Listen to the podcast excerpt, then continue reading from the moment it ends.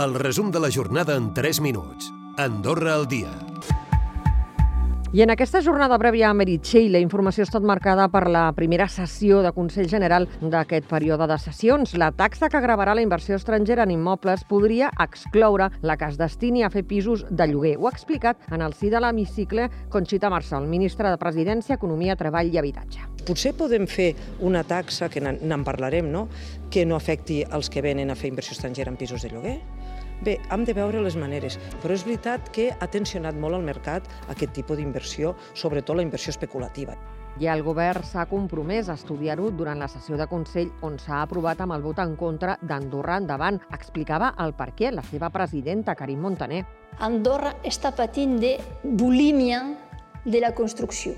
Dic bé, bulímia de la construcció formigó a tot arreu. Precisament la GIA carrega contra aquestes mesures restrictives aplicades pel govern per intentar estabilitzar el preu del lloguer, ho declarava Gerard Caselles, president de l'AGIA. Pensem que totes les mesures que s'han pres fins ara no han sigut les adequades i la prova és que no han tingut cap efecte eh, beneficiós per ningú i amb absolut han arreglat el que, el que pretenien millorar amb, amb totes les mesures que han pres. No?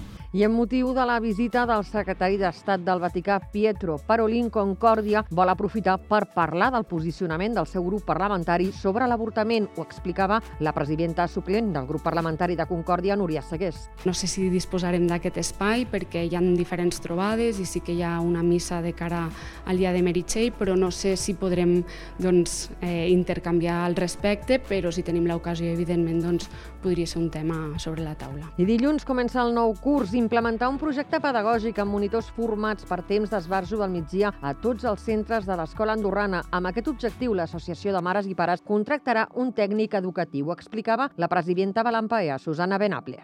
Molts directors han fet eh, projectes a l'hora del pati per evitar aquests conflictes, però volem anar una mica més enllà per, eh, doncs, per, per poder ajudar aquests directors a, a tenir un, un espai del, un espai migdia doncs, el més saludable i, eh, i més tranquil possible.